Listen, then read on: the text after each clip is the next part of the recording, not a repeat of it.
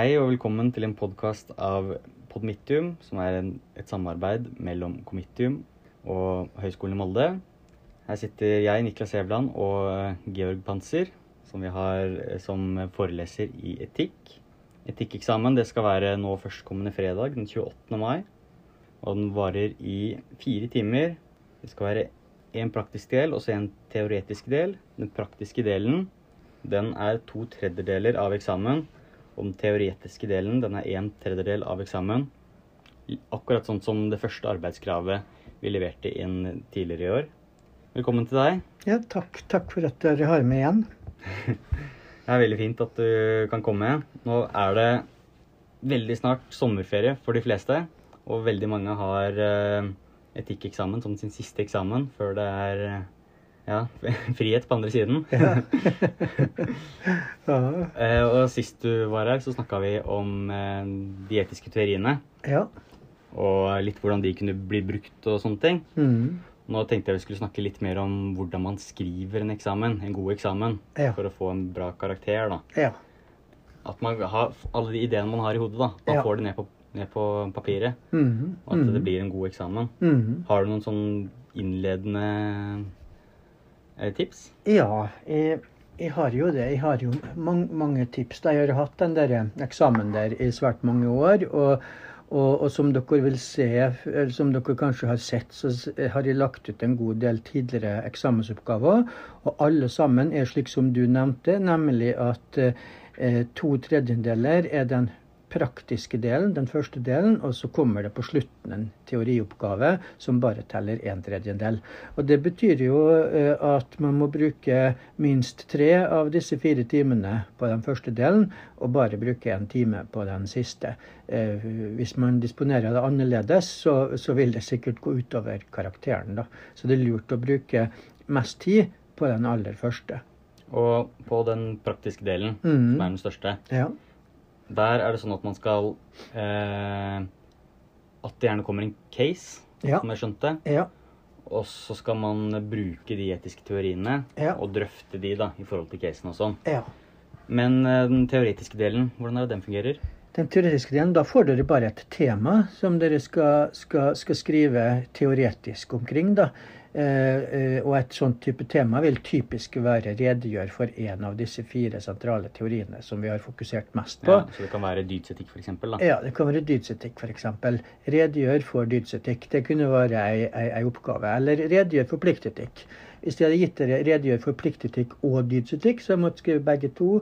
Men dere har bare en time, og da betydde det at den, den oppgaven ville bli, ville bli mindre om dydsetikk og pliktetikk enn dere fikk bare dydsetikk, hvis du ikke mener. Så man må disponere disponere det ut fra at det er en time til, til, til eh, anvendelse. da. Ja.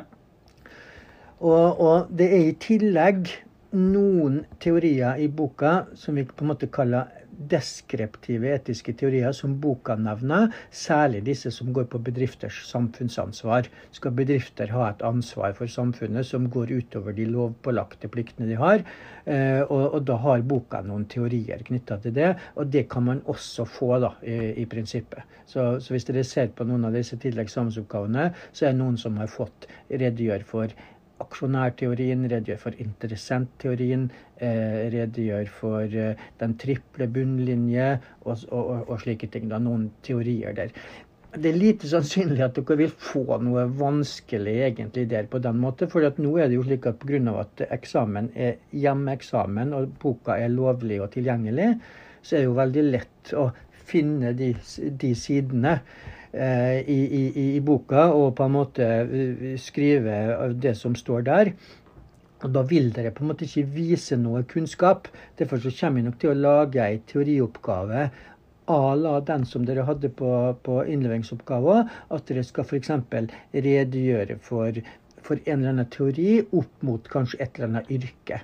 For eksempel, da. For eksempel dydsetikk og, og, og Jeg husker ikke hva som var innledningsoppgaven, men eh, var det politiker? Jeg tror det var hvilke dyder bør en politiker Ja, ha? det, Jeg tror ja, det tror jeg var del ja. to. Den andre Ja. innleveringen. Å ja. De som Det var del to, ja. Mm. ja. Så det er sånn typisk. Hvilke dyder bør, bør en eller annen yrkesgruppe ha? da. Mm. Um, for da, da blir det litt slik at dere må tenke selv. Det står ikke i boka akkurat det med politikere, men dydene står der, på en måte, og så må dere eh, komme med noe, med noe selv. Altså, det er nok en sånn sannsynlig eh, del to-oppgave. At det blir en etisk teori, men at det blir kanskje knytta opp mot et yrke. da. Mm. Og um, på del én, Ja. som er den Som er den viktigste, og den vi skal konsentrere mest på. Så jeg vil jo si det at på en måte del to det, det, det, er sjelden noen mister karakter på del to.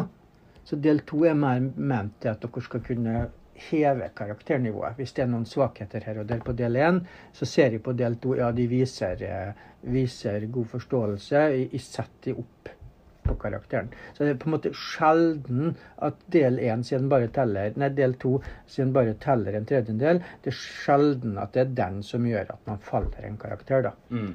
Så, så, så tenk som så det at, at eh, del, del to den er det for at man skal kunne hente inn igjen. Hvis, det, hvis man ser at det er noen Man forstår sjøl at det er noen, noen svakheter ved del én som man ikke får gjort noe med, eh, så kan man hente seg litt inn igjen på del to. da. Ja. Eh, når vi tar del én, da, Ja. så vet jeg at du har fire sånne punkter. Ja, på oppsettet. Mm. Og del én er jo en praktikum. Ja, du kaller det et case, og, og, og, et case betyr jo på norsk et tilfelle. Og, og, det er vanlig å kalle det som at et praktisk tilfelle. Ja, da kaller vi det en praktikumsoppgave der man skal løse praktiske tilfeller. Og da har jeg satt, satt, satt det at, at den strukturen på hvordan dere løser et praktisk tilfelle, eh, den er sagt at dere må passe på at dere har med fire punkter. Og det er ikke veldig, veldig vanskelig, men hvis noen misser på de fire punktene, så, så får de gjerne straff. Eh, og, og, og det er lurt å kanskje notere det på en gul lapp ved siden av, eh, av disse fire punktene, slik at man passer på at hvert spørsmål i, i del én eh, er, er strukturert etter de fire punktene. Da. Og mm, når man tenker litt gjennom disse fire punktene, så forstår man hvorfor det akkurat er de fire punktene det er snakk om. sant, Ja? Og, og den der eh, innleveringsoppgave nummer to, som er litt sånn metaoppgave, den, skrev, den ba på en måte eh, folk reflektere om hvorfor disse fire punktene er viktig i en praktikumsoppgave. Ja? Og første punktet, det er jo da spørsmålet. Ja? og, og, og, og altså spørsmålet som skal løses, det praktiske spørsmålet som skal løses, hva er det? Det kommer til å bli gitt gratis på oppgaven. Det kommer til å stå i oppgaven. eh, Den etiske problemstillingen kommer til å stå, slik at dere får den. Og så skal dere egentlig bare gjenta det spørsmålet, og så begynne å gi et grunnlag for det, drøfte det og konkludere. Ja. I et litt mer avansert etisk kurs så er de spørsmålene, så, så står det bare 'løs de etiske spørsmålene som oppgaven reiser'. Og så må man identifisere de, de alle sammen sjøl og formulere det på en sånn hensiktsmessig måte at man ikke får minus. da. Sånn At, at det er egnet til å gi en klar konklusjon. Det Men- høres jo egentlig veldig likt ut som en del jusfag vi har hatt. Ja. Og på jusfag så er det jo vanlig med praktikum. Så, så, så, så etikk og juss har veldig store likheter. Eh, vi kan diskutere juss på teoretisk plan, ja, men det er veldig sjelden at man fokuserer på det. Eh, teori, te, Teorijussoppgaver i en eksamen er også slik at de bare teller kanskje en fjerdedel eller noe sånt. Uh, og, og, og, og her da, Det som er forskjellen her, er at vi skal løse etiske problemstillinger, ikke juridiske. Um, og det andre som er forskjellen, er jo det at vi må bruke etiske teorier som grunnlag, ikke juridiske grunnlag som paragrafer og, og, og, og, dommer og slike ting. Vi bruker disse teoriene. Og teoriene er noe mye løsere. En, en, en paragraf og en, og en dom er veldig fast. Ja? Vi kan gå inn og så kan vi se hva slags kriterier som vi etter dommen vi skal legge vekt på. Så kan vi bare plukke ut dem, og så skal vi kommentere alle disse kriteriene, da, f.eks. Mens når det er snakk om, eh, om, om disse etiske teoriene, så er de vesentlig mer løsere. Man står mye mer fritt. Man står ikke helt fritt, men mye mer fritt. da. For nå er du eh, over i det punkt to, da. Som på en måte blir grunn, Ja. grunnlag, da. Ja, og, og, og, og, mens du i en juridisk oppgave må ha et rettslig grunnlag, så må du ikke i en etisk oppgave. Men det er god orden. Du bør ha det, fordi det vil gi leseren en indikasjon på hva er det som, hvordan vil du strukturere drøftelsen før konklusjonen. Altså så da vil, det vil det være, på en måte være et spørsmål om god orden. Hvis du mangler et juridisk grunnlag i en juridisk oppgave, så vil du stryke. Ja, fordi at det er helt sentralt. Du kan ikke konkludere uten juridisk grunnlag. Eh, mens i et etisk oppgave så kan du på en måte konkludere uten at du har brukt noen av disse fire etiske teoriene. Du kan bruke noen etiske prinsipper som vi har vært inne på, eller andre ting. Eh, Så, så det, er en, det er ikke en eh, domstol som til syvende og sist skal avgjøre om drøftelsen din er god eller ikke. Det er på en måte hvordan blir folk overbevist. Synes folk at du har fått med deg de gode, beste argumentene? Og så, øh, og så, og så hvis de synes det, så, synes, så følger de konklusjonen. Men så er jo da spørsmålet hvordan finner vi frem til de beste argumentene? Og det er det disse teoriene hjelper oss med. De teoriene hjelper oss når vi anvender de, å finne frem til de beste argumentene på enhver etisk problemstilling. Men når du sitter her da, på Ja. eksamensdagen, Ja, og så øh, har du skrevet problemstillingen, ja, og du skal finne fram øh, grunnlaget, da. ja. Er det her du begynner å presentere f.eks. dydsetikk, da? Ja, Du skal ikke presentere det i veldig stor grad. Um, fordi at Når du begynner å presentere dydsetikk der, da er du teoretisk. Mm. Sant, ja?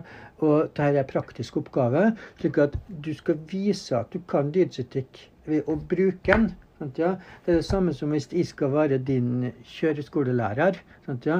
Da stryker du på måten du kjører bilen på. Ja? Jeg forstår at du forstår, kan høyre og venstre og fartsgrenser og alt mulig. Jeg forstår alt av det der. Men jeg er opptatt av å liksom si at klarer du å kjøre på en forsvarlig måte fra A til B? Mm. Eh, og så er det på en måte en teorieksamen, en multiple choice, de tingene der. Eh, eh, det er noe annet og litt mindre viktig, det også, men litt mindre viktig. Men det er når du sitter i bilen at de merker at du forstår og kan anvende det som blir gitt på multiple choice. Men vil du at man skal skrive, si at man bruker diskursetikk, da? Ja, Vil du at man skal si at det, ifølge diskursetikken ja. er det og det og det viktig? Ja, men du, det, det, fordi at grunnen til at det og det er viktig, er for at du trenger å ha det med i drøftelsen. Mm. Sant, ja? Så da blir det punkter i drøftelsen din, disse viktige tingene. F.eks. at eh, hvis vi tar diskursetikken, da, så vil vi teoretisk ha skrevet som så at etter diskursetikken så, eh, så, så legger man vekt på det det er stor grad enighet eller konsensus om i et åpent og fritt, et fritt samfunn hvor alle berørte parter har blitt hørt. Sant, ja? Når jeg, når jeg sier ta sånn, så sier jeg det på en teoretisk måte. Ja? Eh, hvis vi skal si det på en praktisk måte, så sier jeg at jeg, jeg vil drøfte denne problemstillingen ut fra diskursetikken. Først må vi se på om dette problem, om alle berørte parter har blitt hørt. Ja? eh, om samfunnet er åpent og, og, og, og, det er et åpent eh, samfunn. Sant, ja? Og da vil jeg oppdage det at f.eks. i Saudi-Arabia så vil spørsmål angå kvinner Kvinner blir vanskelig hørt, så det er ikke et åpent samfunn for kvinner. Ja? Så da vil, vi ikke, da vil vi ikke si at de kriteriene som tilsier at vi kan legge vekt på enighet, er oppfylt. Så hvis noen hevder det at det er stor konsensus i Saudi-Arabia om at kvinner ikke skal kjøre bil, så stemmer det sikkert det blant menn, men vi vet ikke så veldig godt, fordi at kvinner får ikke lov å komme til orde i avisene, og de blir ikke hørt. og de sant, ja? Så da sier vi at ja, uavhengig av hvor stor grad av konsensus det er for at kvinner ikke skal kjøre bil i, i, i, i Saudi-Arabia, akkurat å bruke diskursetikken som en grunn for at kvinner ikke skal bruke, ikke kunne kjøre bil, er ikke, der er ikke diskursetikk vilkårene oppfylt til å kunne bruke diskursetikken. da. Men hvis vi drar ut til Norge, da, la oss si det at alle kvinner blir hørt. Og så av en eller annen grunn så sier kvinner det at vi vil ikke kjøre bil. Og så er det noen som sier at det er jo merkelig det, da.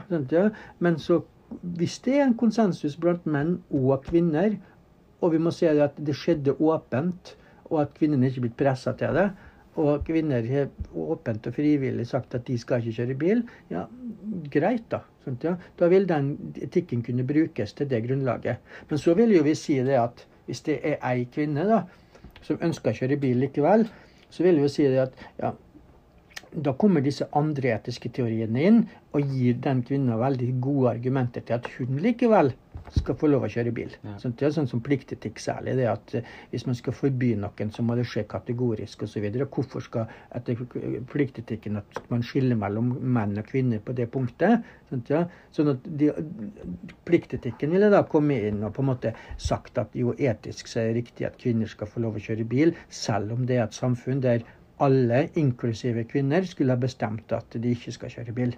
Sånn, ja. Og så, eh, etter man da har kommet med problemstilling Ja. og et eh, grunnlag, Ja.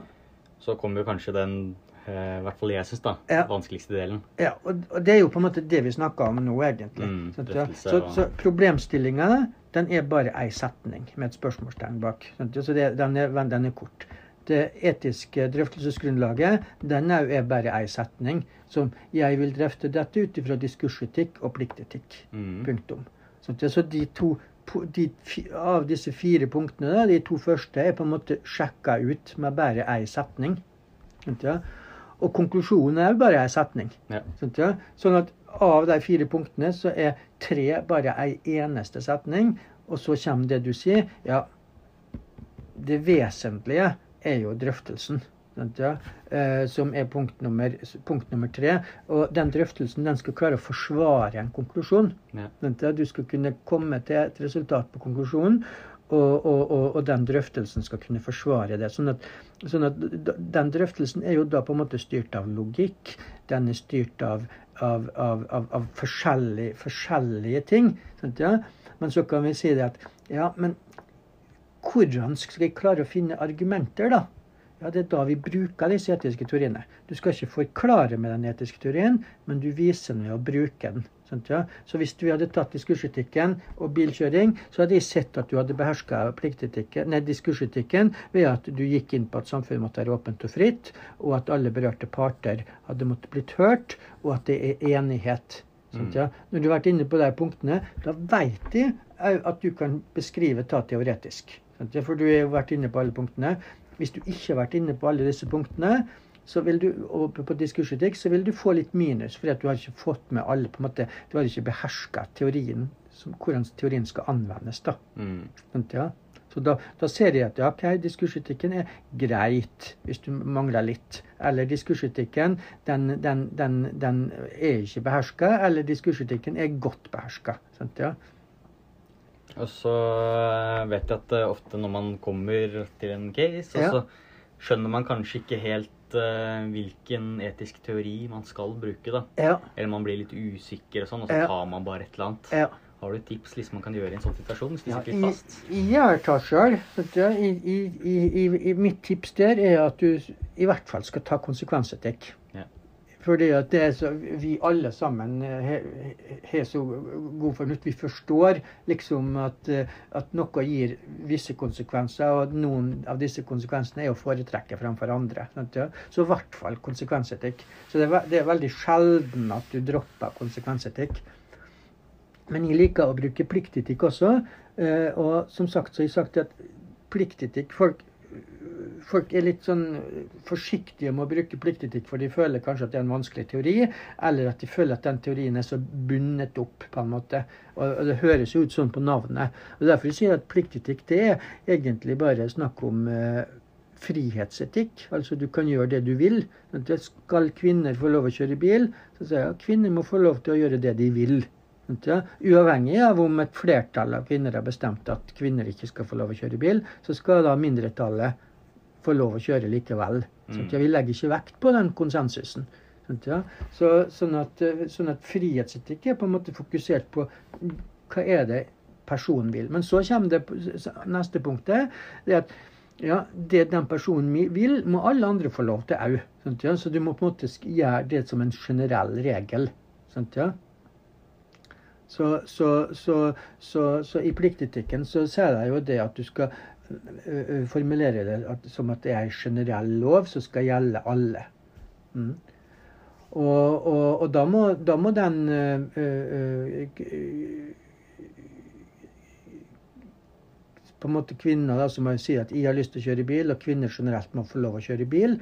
akseptere det at andre kvinner også må få lov å kjøre bil. Mm. Så er det noen som tenker, så, så er det noen som på en måte Ja, men og så? Det er jo så selvsagt. Ja, men det, på pliktetikken så er det ikke slutt der. Fordi at vi må begynne å diskutere unntak. Ja. Ja, blinde kvinner eller personer får ikke lov å kjøre bil. Personer under eh, en viss alder bør ikke få lov å kjøre bil. Personer over en viss alder eller noe sånt. sånt ja. Da begynner vi å diskutere unntak. Mm. Og, så, og disse unntakene skal òg være generelle. Det skal ikke være unntak eh, som er spesifikke. At, eh, ja, så det, de skal òg være generelle. Ja? Og da, da blir drøftelsen en drøftelse om et utgangspunkt. Alle, får, alle må få lov å kjøre bil hvis de vil. Og så begynner vi å diskutere unntakene. At de må være egnet til å kjøre bil, ha nødvendig opplæring, øh, gammel nok, forståelse, øh, ha, ha synskraften i orden og slike ting som det. Så ikke pliktetikk blir på en måte en diskusjon der vi forsøker å finne tak i eh, unntaker, sånn som vi snakka om i forrige podkasten. Mm. Om å tenke gjennom mulige unntak. Og når vi tenkte gjennom alle mulige unntaker, så finner vi ut at ja, har vi tenkt gjennom alle unntak. Det er ingen unntak for den kvinna her. Ergo hun må få lov å kjøre bil etter pliktetikken. Eh, I andre tilfeller, da, Ja. som blir, på en måte blir litt motsatt av det, det Ja. vi snakker om nå, Ja. der man tenker at det egentlig kanskje alle teoriene passer. ja. Det går an. Det er ofte. Det Eh, er ganske ofte, egentlig. Er det noe, på en måte, noe poeng å bruke alle sammen da? Nei. For da vil jeg si at da bruker du noen, og så har du nok argumentasjon til at du kan forsvare en konklusjon. Ja. Sånn at når alle teoriene passer, så, det, så stopper du bare og sier at den konklusjonen her, den er relativt klar. Da, sant, ja. Men det er på en måte de etiske problemstillingene som er interessante, da. Det er når to etiske teorier krasjer. Mm. Er, for da, da blir det litt sånn vanskelig, for da får du jo disse motargumentene, og plutselig så, så er man veldig usikker hva man skal gjøre. Sånt, ja? Sånn som det, det, det med man drar i spaken på noe trollet i problematikken. Da, sant, ja? Og hvis en tenker på det, så er det veldig mange problemstillinger vi kanskje drar i spaken eller ikke. Sant? På den der innleveringsoppgaven så var det snakk om å ta av en eldre person fra en respirator eh, for at en yngre skulle få plassen. Mm. ja? Det er litt ala, det er analogt til naturoljeproblematikken. Sant, ja? Sånn at du kan se det at, at, at, at de, de, de, de etiske problemstillingene som vi sliter litt med, da er det ofte slik at, eh, at kanskje pliktetikk og konsekvensetikk krasjer. da. Ja. De, to, de to teoriene bruker av- av og til å krasje. Og hvis de to teoriene krasjer, så er det kjekt å bruke dydsetikk. For da står du der og så vet du ikke helt hva du, hva du skal velge. Og så kan dydsetikken, kan du finne noen argumenter gjennom dydsetikk, kanskje. da.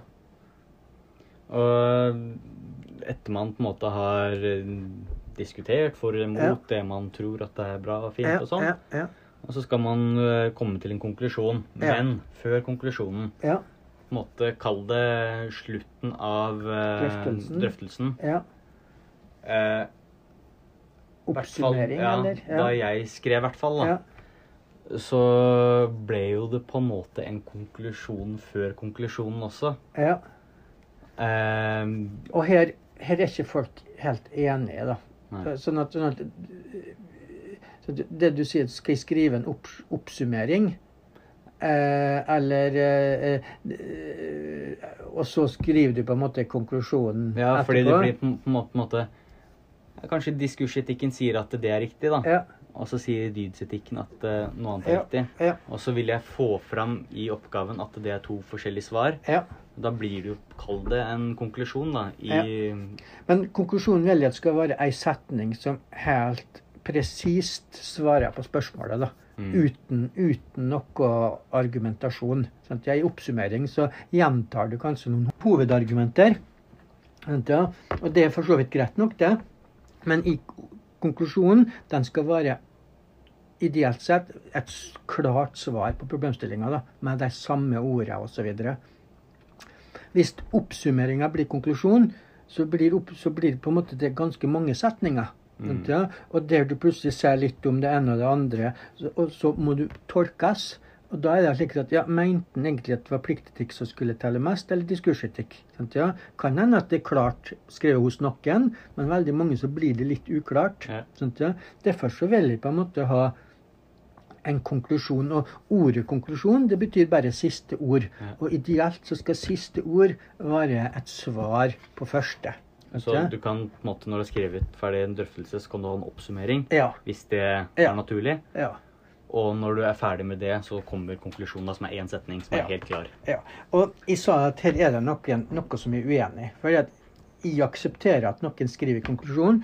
Under tvil så mener jeg Og så svarer man på spørsmålet. Så jeg, jeg aksepterer at folk skriver under tvil inn i konklusjonen. Så er det noen andre som sier at nei, det bør du ikke gjøre. Du får et minus med meg hvis du gjør det. Så, og, og de andre, de andre de bruker seg istedenfor, så kan du skrive tvilen i drøftelsen som en oppsummering. sier det da. Eh, eh, så det er noen som på en måte eh, sier det ene og det andre. da. Eh, det er ikke ei stor sak. Det er ingen som blir hengt av å gjøre det ene eller den andre. Men det kan dere oppleve at det sitter i og sier det jeg sier nå, at dere har lov å skrive under tvil i konklusjonen. Og så kan hende det at Morten Valle Tvedt eller noen andre i praktikumsoppgave sier at nei, det bør du ikke gjøre, det bør du unngå. Mm. Så der varierer det litt grann hva på en måte, hvor stringent man skal være med konklusjonen. da. Ja. Og hvis man, hvis man føler det er veldig vanskelig at man ønsker et svar, ja, da unngår du å skrive 'jeg er under tvil i konklusjonen'. Da bare skriver du akkurat like ting eh, eh, som står i problemstillinga. Eh, men hvis du vet du har med en lærer som ikke er så eh, opptatt av akkurat det, og aksepterer at du kan legge inn tvil i konklusjonen, så er det greit. Det du ikke skal gjøre i konklusjonen, er å legge inn argumentasjon. Ja? eller, eller forbehold. For hvis du gjør det, så vet de jo egentlig ikke hva du konkluderte. Kan du si, ja, men Hvis de legger inn en argumentasjon, så vet du hva en konkluderte. Jo, men hva om akkurat det argumentet ikke er oppfylt i enhver situasjon, da? Da er det plutselig slik at det argumentet du la inn, det blir som et forbehold. Skal vi dra i spaken? Ja, du skal dra i spaken hvis, eh, eh, hvis det er eh, fire personer. Hvis du kan spare fire personer. Ja, men hva med tre personer, da? Eller fem personer? Mm, Du, hvis du begynner å legge inn argumentasjon i en konklusjon, så, så, får den, så, får den, eh, så, så, så, så kan du skape usikkerhet, for dette kan tolkes som et forbehold. Og det skal den ikke gjøre, da. det her også høres jo egentlig ut som noe vi er veldig vant til med juridiske fag. da. Ja. At eh, veldig likt juridiske fag at konklusjonen skal være Ja. ganske bastant. Ja. Eh, og gjerne én setning, da. Ja. Der det er Marte Kirkerud bør ikke bla, bla, bla. ja. Ja. Eller Kirkerud, Marte Kirkerud kan heve avtalen. Mm. Men det er lov å skrive der, etter mitt syn. Eh, under tvil, jeg mener under tvil at Marte Kirkerud kan heve avtalen. Det er det også lov å skrive. Mm. Og så kan man si at bruker f.eks. domstoler å skrive under kveld. Ja, det gjør det av og til. fordi at hvis det er tvil i en sak, så får man ikke saksomkostninger nødvendigvis. Så domstolene diskuterer også graden av tvil, fordi at betydning av saksomkostningsspørsmålet etterpå. Så, så, så, men men, men jeg, jeg tenker nok at jeg tenker nok at skal man på en måte bare, bare safe, så skriver du ingenting om tvil der Nei. eh, i konklusjonen. Så konklusjonen skal være bare én setning, og skal være, skal være slik som, eh, slik som eh, eh, problemstillinga i punkt nummer én. Hvis du skriver noe mer, så risikerer man, så får man minus, så man kan risikere betydelig minus. F.eks. Hvis, hvis, man, hvis man skriver en konklusjon som på en måte må tolkes og kan ha innholdet forbehold osv.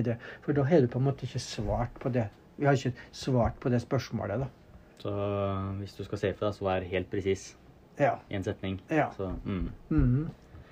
uh, og så har man brukt tre timer og skal begynne på den andre delen, som vi har snakka Ja, litt om. i, før vi går videre der, da, Ja. så er det et par andre ting under drøftelsen som jeg har lyst til å nevne. og Det er at drøftelsen skal være balansert, altså for og imot. Så la oss si det at alle disse teoriene trekker i samme retning, sånn som du nevnte i sted. på en måte. Hvordan klarer jeg å finne motargumenter? Og da har jeg kommet med noen sånne standardargumenter. Og de standardargumentene kan alltid brukes som et motargument. F.eks. glattisen. Ja, hvis vi, hvis, vi, hvis vi gjør det på denne måten her, så er vi ute på glattisen, og da kan det være lett å gjøre det neste gang og neste gang og neste gang. Sant, ja? Eller hvis vi ønsker å, å, å, å føre ting videre, så bruker vi analogi. Så analogi og glattisen er på en måte samme argumentet, bare at det ene trekker mot noe, og det andre trekker for noe. Så det er egentlig samme argumentet. Ja. Føre var-prinsippet. Altså hvis vi er usikre på noe, så gjør vi noe som er føre var. Ja? Så, så der ting, der, der, da, hvis man mangler motargument, så vil man få minus, for det skal være oppbalansert oppgave. Så da, da tenk på disse såkalt standardargumentene, som vi kaller det. Ta, ta med de. Mm. Um, og, og, og, så er det noen også som har et, et ekstra punkt. Sånn ja, vi har fire, I det oppsettet så er det fire punkt. Spørsmål, eh, drøftelsesgrunnlag, drøftelse og konklusjon. Og så er det noen som har et punkt nummer én som de kaller innledning. Ja, eller faktum. Og det er ikke nødvendig i en sånn oppgave, fordi at oppgavetekster er gitt. Så man trenger ikke å gjengi eller skrive av essensen av faktum i starten. Uh, man bare forholder seg til det som står i oppgaven, og skriver det inn i drøftelsen når det, når det kommer. Hvis, man skulle, skulle ut i det virkelige liv og måtte gjøre bevisvurderinger, faktumvurderinger sjøl, da hadde det vært naturlig med en punkt med faktum. Mm. Ja, men ikke i en oppgave som det er, der faktum er gitt i en oppgave. Da. Ja, For sensor har jo oppgaven foran sensor er oppgaven, Så det er ikke meninga at dere skal på en måte trenge noe mer opplysninger eller, eller, eller gjengi det som allerede står i oppgaven og sånne ting. Det skal bare brukes i en drøftelse. Mm. Oppgave to har vi allerede snakka litt om. Mm. Men sånn rent sånt oppsettmessig mm. Har du noen tips der, eller er det ja. litt mer eh, flytende? Den, den, ja, den er litt sånn mer eh, flytende, men den, den er litt mer som, dere, som man er vant til fra, fra, fra, fra, videregående skole og andre ting. Når man skal skrive ting? Ja, da sier de at ja, du må ha innledning, noe midt i og en avslutning. Sant? Ja? Og så kan vi si ja, hva er det som er viktigst i den teorioppgaven her, da? Jo, det er jo det midt i det midt i, det skal ha alle punktene. Så hvis dere har fått redegjøre for diskursetikk, da må, da, da må det stå noe om eh, graden av enighet ja, kanskje at man diskuterte litt frem og tilbake om det må være 100 enighet blant samtlige i hele landet, eller om det er greit at noen får osv. Så, ja. så graden av enighet. Nummer to at alle berørte parter blir hørt. Og så må man kanskje drøfte noe når det er umulig at berørte parter blir hørt, som f.eks. at den ene parten er barn, eller noe lignende. da. F.eks. barn eller miljøet eller noe lignende kan på en måte en organisasjon, Barneombudet eller noe sånt, ivareta den partens interesser. Og så bruker vi diskursetikken likevel. Sant, ja? Um, og slik at Det midte det skal på en måte ha med alle elementene i den teorien. Og Hvis det er dydsetikk, så må man nevne noen av disse dydene. Naturlig å bruke disse filosofiske eh, eh, eh disse, disse, filosofiske dydene. Eh, visdom, rettferdighet, eh, mot og måtehold. Naturlig å nevne dem. Jeg kan gjerne nevne eh, de sju kardinaldydene vi er kjent fra, fra kristendommen, og legge til tro, håp og kjærlighet også. Men nevne alle de. Og så må nevne noe om at det ikke er om mer gjøre å være veldig modig. Du skal ikke vise overmot. Hvis det er for mye mot, så er det last, det også. Ja. Så både for lite og for mye. Så hvor, hvor, på skalaen av mot skal du være? Og nevne noe at det vil variere ut ifra hva slags profesjon, hva slags oppgave du har. Og da er jo gjerne slik at en far skal vise stor grad av mot. En, eh, en, en, far på en måte, en, en, far som lar barna i stikken eh, blir ikke sett på som å være en god far, f.eks. Eller en brannmann eller en politimann. Men så kan vi begynne å differensiere. Altså det at en politimann må vise større grad av mot enn en lærer. Mm. Ja? En, en brannmann må vise sikkert like stor grad av mot som en politimann. En soldat eh, kanskje enda mer, for han må være villig til å ofre livet òg. For politifolk så vil vi kanskje si det at de skal gjøre noe, men de skal slippe å måtte ofre livet som politimann. Akkurat det er litt sånn grense hva man, eh, hva man mener. da. Men en soldat han er der og skal være villig til å ofre livet også. Ja? Og hvis han ikke er det, så sier vi det at, at ja, da har for lite mot til det å være soldat. Og sånn er det med visdom òg. Ja? Så kan man kanskje si at ja, men visdom går ikke an å bare si at det er om å gjøre å være så smart som overhodet mulig. Ja? Men det blir litt sånn som en bodybuilder. fordi at hvis du bruker all din tid på å bare lese og lese og lese, så du blir nærmest som en autist på et område, så sier vi det at da, da blir det for mye av det gode. Mm. Da, da blir du for teoretisk. og, og klar, det, som er en lei tendens da, til at folk som er altfor mye visdom, de blir dårlige til å anvende det praktisk. sant, ja?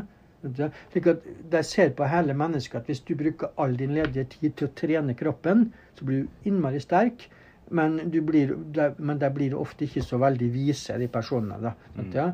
Og, og hvis du bruker all din tid til visdom, så blir du veldig smart, men du lar kroppen forfalle, og du, du på en måte blir, får, mindre praktisk klokskap. da, sånt, ja?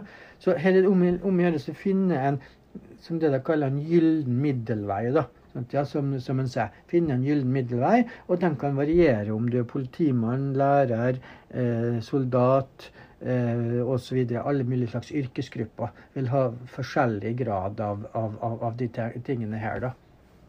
Eh, nå vet jeg ikke hvor eh, reelt det er, men jeg husker på en forelesning vi hadde, Ja, så snakka du litt om det hvis oppgaven er eh, at man skal sammenligne, da. Eller Ja. hva er forskjellen på Ja. den etikken og den etikken? ja. Hva er det når man skal gå fram da? Ja, da må man i midten der nå ta, fra, ta fra, frem begge disse teoriene. Sant? Ja, da må man finne hovedelementene i hver av de teoriene. Sant? Ja? Og jeg vil ikke gi oppgave bare om forskjellen mellom f.eks. For dydsetikk og pliktetikk, men jeg ville f.eks. si forskjellen knyttet til det å lyve. da, Sannhet. Hvilken betydning har sannhet, f.eks. da, eh, i pliktetikk og i dydsetikk. Og, og, og, og, det, med, det, med, det med sannhet ja, Det å være sannferdig er jo en dyd, men det er ikke nevnt som en dyd av disse viktigste fire. For det var det visdom og rettferdighet. Kan, kan, en vis, kan det være det lure valget, det vise valget av og til å lyve? Ja, det kan det være. Av og til så kan det være smart å lyve, for det kan gi negative konsekvenser. Det kan skape panikk, f.eks., hvis du sier sannheten. Mm. Derfor så kommer du med en hvit løgn. Så det kan det innimellom være rettferdig å lyve? Ja, litt av samme grunn. Så ja, normalt er det jo urettferdig å, å, å, å, lyve fordi at eh, du på en måte forleder noen osv. Ja. Men andre ganger så kan vi si at ja, men vi må jo kunne lyve om ting som har med meg å gjøre. Fordi at andre har ikke et krav på å vite hvor rik jeg er, hva mine sykdommer er. Hvis noen spør har du den sykdommen, så skal vi si nei, jeg har ikke den Mm. sykdommen. Altså har du den egentlig, men å gi en sånn sensitiv personopplysning er ikke noe krav de andre. Så det er ikke noe, det er ikke noe rettferdig krav at de skal få den opplysninga fra deg. Ja? Kan du se for deg i et politiavhør så sier politiet er du, nå, må du vitne, nå, må du, nå må du forklare om det spørsmålet her. Og da er det jo slik at, at, at du, du er ikke pliktig til å si noe til politiet. Sånn, ja, hvis det er det sjøl det, det går på. Sånn, ja, du kan si at 'nei, jeg vil ikke uttale meg'. Um, og hvis du er i retten, så skal du òg kunne slippe å uttale om ting du, kan, du får bli stra- straffa på sjøl. Og din ektefelle og dine barn, de skal òg kunne nek nekte det. Men så sier man i retten at i retten så kan du si at 'jeg vil ikke si noe', men du skal ikke lyve. Ja, så, så, så kan du få dilemmaet at hvis du ikke sier noe, så tolker jeg det som om ja. Ja? Men det er da dilemmaer og slike ting som vi kan i konkrete eksempel se på. Ja? Så da kan vi se det at rett, rettferdighet kan òg innebære det at du om ikke akkurat kan lyge, så trenger du ikke å si den hele og fulle sannheten. Du skal få lov å være taus. Ja. Og i en sånn sammenheng så kan jeg gjerne sagt at de ulike etiske teoriene, f.eks. det å lyve og konsekvensetikk Da vil jo konsekvensetikk Jo, med en gang det er bedre konsekvenser av lyve, så er det lov å gjøre det. Punktum. Finale. De to andre teoriene, pliktetikk og, dydsetikk, de vil nok si at ja, innimellom så må du si sannheten selv om det gir negative konsekvenser. Mm. Og, og særlig pliktetikk. Der er det jo særlig han, han Kant, da, som er pliktetikkens far, han har sagt at selv om en drapsmann kommer for å spørre om en person som en leter etter, er inne her for at de skal kunne drepe en, så er det pliktig å svare ja. vet du? Og han har en litt sånn snål begrunnelse bak det. Og da Kant var en veldig vis mann, men akkurat der så så vi at der mangla en praktisk eh, sans. da. Så hadde han sagt ja, da, fulgt det et prinsipp i Norge i dag, så er blitt straffa altså, til medvirkning til drap. Ja. Du? Så det han Kant mener er en plikt at du ikke skal lyge til en drapsmann som spør etter et offer som en er ute etter. Ja, Hvis du ligger da, så blir du straff, nei, hvis du svarer sannheten da, så blir du straffa Ja, ja. eh, for medvirkning til overlagt drap etter norsk rett. Så, Mm. ja? så, så der ser vi et punkt der, der en presumptivt en mann som er svart veldig vis og, og, og smart på mange områder, mister på en måte den praktiske dømmekraften. da. Mm. Ja? Fordi at en får fokus på det teoretiske. Men vil du at man skal eh, eh, presentere etikken som i opphavetikken Ja. når den kommer fram? Ja, det må jo være en teoretisk oppgave. Mm. fordi at da må du liksom fortelle det som er essensen på etikken. Da, ja? Og så da, må du, da bør man nevne sånn som Kant på pliktetikk, Ja. eh, eh, eh, Aristoteles på dydsetikk, Habermas på diskursetikk og, og, og Bentham Mill på konsekvensetikk. Så det er disse navnene, da. Ja, så da må de, de nevnes. Det må nevnes noe omkring eh, eh, Og det kaller jeg å sette det i kontekst, da. Mm. Ja.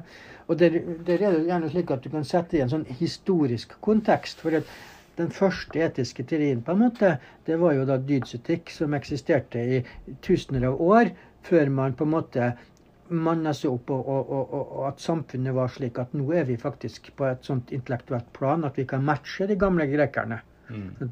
Og da fikk vi på rappen både pliktetikk og, konsekvensetikk.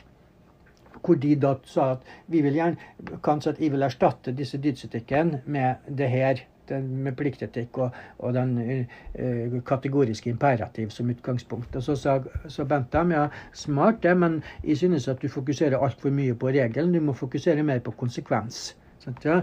Eh, Så, så, så de to er på en måte to teorier der de tok to forskjellige utgangspunkt, eller to forskjellige perspektiv, Mm. som det står i, i, i, i, i um, studiehåndboka, at vi skal se på etikken fra forskjellige perspektiv. Og de tre er de mest sentrale. Og så har jeg tatt med diskursetikken, for det er veldig mange teorier, men jeg har tatt med den bare for at, at vi skal ha en fjerde som vi kan kunne bruke en gang iblant, og for å illustrere at noen ganger så er den etikk, den, gir den etikken kanskje de sentrale argumenter for noen type problemstillinger. da. Særlig de problemstillingene der vi må sette ei grense. Sånn, her er grensa. Mm. Disse andre teoriene, der er det mer enn som en overgang, kan bli litt sånn gråsoner. Eh, mens den, den diskursetikken, den kan på en måte sette ei grense på 18 år. Ikke en dag mer, eller en dag under, eller hva jeg skal si. da. Sånt, ja. ja. Og når det kommer til eh, når man presenterer eh, etikken da, og skriver Ja. litt om bakgrunn og sånne ting, Ja. Da er det veldig lett for at man enten slår opp i boka eller søker på nett. Ja. Hvordan er det man skal tenke på kildebruk og sånn under eksamen? Og det anbefaler jeg at dere skriver noe kildebruk. Her er det nytt i forhold til før, fordi at eh, nå er det en digital hjemmeeksamen, og boka er et tilgjengelig og lovlig hjelpemiddel. Eh, før så var det en digital skoleeksamen der man ikke hadde bok tilgjengelig, så det var ikke noen lovlig hjelpemiddel. Så nå anbefaler jeg at eh, man skriver boka som, et, eh, som, et, eh, som, et, som, en, som en kilde. da. Mm. Hvis dere siterer, skriver av et avsnitt eller en setning i boka, da må man bruke sitattegn. Yeah. ja, og så skrive hva kilden er. ja. Um, og, og, og det må man hvis man bruker Wikipedia, hvis man skulle bruke andre ting også. Siterer man noe, så skal man ta hvor kilden er ifra. da. Det som vi har sett, eh, er at, eh, at særlig på NTNU så var det, var det mistanke om fjusk. Ikke at man hadde brukt hjelpemiddel, men at man hadde snakka med medstudenter eller andre. Og så hadde ei oppgave fra én student blitt veldig lik oppgave fra en annen student. Det kan jo være for at de har brukt samme kilde. sånn at de har- sitert samme avsnitt eller brukt samme lærebok, så det kan bli likt av den grunn. Mm. Men det som ikke er lov, er å snakke sammen og sende over materiale fra student til studenter. For det skal være et selvstendig arbeid. Da. Så få hjelp f.eks. fra en medstudent, eller diskutere med en medstudent, eller fra familiemedlem eller andre, det er ikke lov. Sant, ja? og, og, det er der på en måte at at, at, man kan risikere noe nå, sånn som det var noe kurs både på BI og på NTNU, der flere ble involvert i en fuskesak fordi at man så for seg at de hadde brukt noen sosiale medier på, på hva er løsninga på det og det. Mm. Og så, det så det må man være varsom på. da. Så jeg anbefaler at bruk gjerne boka, men, men, men det er ikke tid, og det er, og det er ikke lov at, at man får f.eks. en familiemedlem eller, eh, til å lese gjennom eller noe sånt. Mm. Eh, og, og, og, også at man eh, unngår å bruke og, kontakte noen underveis. Da. Det med å slå opp i boka da, Jeg kan kanskje forvente det hvis, nok, hvis de skriver 'redegjør for Skotts, fire, nei, Scotts tre søyler'. Så tenker jeg at de fleste blar opp i boka, så finner de Scotts tre søyler, og så finner de det greiene. Det tenker jeg de fleste vil, vil gjøre da. Ja. Og det er sikkert det smarte valget òg, hvis de har gitt deg sånn oppgave. Det, men pga. at det er en sånn bokoppgave, så jeg, jeg vil jo ikke at folk skal, skal, kunne slå opp i boka og, og, skrive av noe, og så skal jeg sette karakter på det. For det er jo ikke noe. Så pga. det så kommer jeg til å på en måte gi en oppgave som er à la den jeg sa til deg. at sammenligne dydsetikk og pliktetikk, og kanskje hvilken betydning sannhet har for de to tingene, f.eks. Mm. Eller er det, er det sånn, at de knytter det opp mot ei handling, da. Ja. Hvis man bruker en av powerpointene dine, ja. eller en av de videoene som er ute, ja. vil du at man skal kilde til det òg? Jeg vil si at det er ikke på en måte nødvendig, men hvis dere bruker akkurat samme ordet, så skal det settes til hermetegn. Ja. Men hvis du bare går inn for å lese om et eller annet, da ja. Hvis står... du bare husker det, sånn at du har det fra, fra, fra, meg, så vil jeg si at, at, at, at da, da, er ikke, da, er det ikke, nødvendig å bruke som kilde. For jeg vet at det er en kilde. Sånn jeg vil jo at det skal være en kilde. Sånn ja. så, sånn men det er det at hvis dere på en måte bruker en setning, så, så heter det seg at ja, da skal det i sitattegn, og så skal kilden opplyses. Hvis du bruker bare de ideene som jeg er presentert på, på der. Sånt, ja. Så kan du gjerne, så er de ideene frie. Da skal, jeg har presentert deg pedagogisk til at du skal kunne ta det i deg, og så anvende det. Så jeg tenker som så det at, at, at, at, at der, du, der, du, bruker en setning, det skal siteres. Der du ikke bruker en setning, så, så trenger du ikke noe, noe på denne den eksamen her, da. Her stoppa lydopptaket med Georg, men det siste som ble sagt, var lykke til på eksamen. Takk for at du hørte på denne podkasten, lykke til med eksamen.